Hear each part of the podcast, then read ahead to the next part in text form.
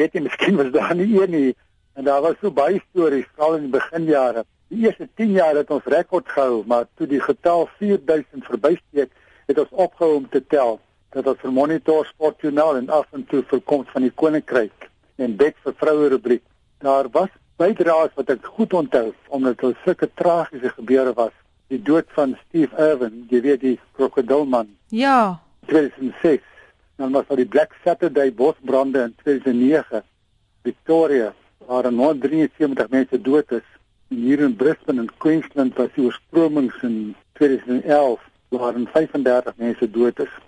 28000 huise oorstroom is. So dis die stories wat ek onthou wat tragies was. In die 80er jare het ons getel tot 4000 en toe opgehou Hmm. Frikkie, maar jy praat nou so oor die tragiese stories. Maar wat van humor? Wat was vir jou snaaks? Moet die monitor werk? Ja. As gevolg van die tydverskil, Australië is 8 uur voor Suid-Afrika, soos jy weet. Is baie van ons bydraes in Suid-Afrika laatnag of vroeë oggendure daar opgeneem. En een van monitor se opnemers het eendag 7:00 die oggend hier en 3:00 die nag daar in Suid-Afrika vir ons gesê: "Slaap julle nooit." Ons het verduidelik, maar ons het idee gekry kon steeds nie klein kry nie. Wat het nog agter die skerms gebeur? Wel die ehm um, toe die sportboikot in 1992 geëindig het, het die Australiese Rugby Unie vir ons presbasis gegee. Ons kon toe al die groot wedstryde vry sien sonder om te betaal. Dit nog ook trakteer word in die glashokkie en die pers. En dit kan baie opgewonde raak oor sport, jy moet dit sien. Sê met die eerste groot wedstryd, die ander joernaliste in die glashokkie byna van hulle stoel laat afval toe sy hart gegil het toe daar 'n goeie 3 aangeteken word. En daarna was sy bekend as die vrou wat skree. Hoorie so, um Frikkie, in Australië, julle is nou baie jare daar, baie dekades daar, het julle goed aangepas want ek weet daar's 'n groot Suid-Afrikaanse gemeenskap natuurlik nie net in Brisbane nie, maar in verskeie Australiese stede. Ek dink die aanpassing vir ons was moeiliker as vir die manne en mense wat later gekom het, want toe ons gekom het dat ons die enigste Suid-Afrikaners hier in Brisbane van ons geweet het. En toe ek vir 'n kollega by die Universiteit van die Vrystaat sê ek bedank my pos om Australië toe te gaan, het hy vir my gesê, "Jy sal altyd vreemdeling in Jerusalem wees." Dit was die geval, maar ons was en ons is daarom gelukkige vreemdelinge. Seker maar omdat ons ons voorgenem het om gelukkig te wees. Maar in die beginjare was daar sterk antagonisme by die universiteit, by ons kinders skole, selfs by die kerk. Frikkie Het jy 'n fanklub in Australië van Suid-Afrikaners wat weet wie jy is en dat jy soveel jare al vir Monitor en Spectrum en nou meer onlangs vir Naweek Aktueel Stories gestuur het? Dis so versprei, jy weet, Brisbane is een van die grootste stede in die wêreld wat oppervlakte betref. Almal bly ver van mekaar af. So ons sien mekaar nie so dikwels nie. Dit vat 2 ure se ry van een punt aan die ander.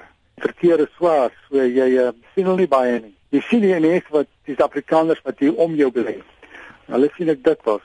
En by die kerk, by die kerk het ek goeie vriende gemaak, maar ons het beter aangepas by die mense wat ouer was by die kerk, want ons het filosofies uh dieselfde uh siening gehad.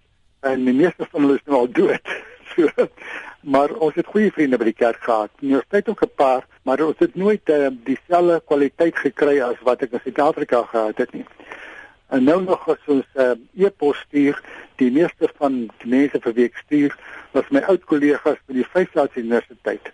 Frikkie, hoe het jy oor die jare veral Monitor se luisteraars ervaar want jy het die meeste verreweg die meeste werk vir Monitor gedoen. Het jy ooit terugvoering van hulle gehad?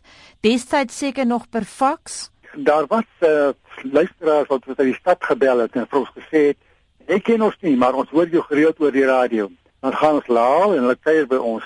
Hmm. Dan was daar 'n paar wat ons telefoonnommer by monitor gekry het en gebel het om raad te vra oor immigrasie.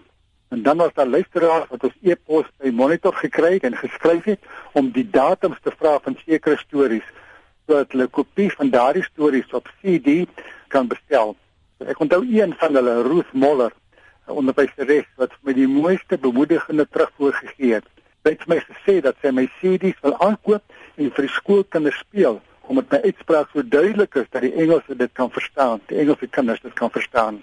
Ek het natuurlik meer kontak gehad met die omroepers al in die 80ers. Daai tyd het die omroepers self ons gebel en self opgeneem. En dit was Aaron Meyburg en Hendrik de Bruin En as ek Johannesburg toe gaan, het ek by gaan inloer. Dit was vir ons ehm, 'n um, voorreg om die bydraes te stuur. Ons het altyd gevoel dat ons lewer 'n bydrae, dat ons daarmee die band met ons geboorteland behou en self versterk.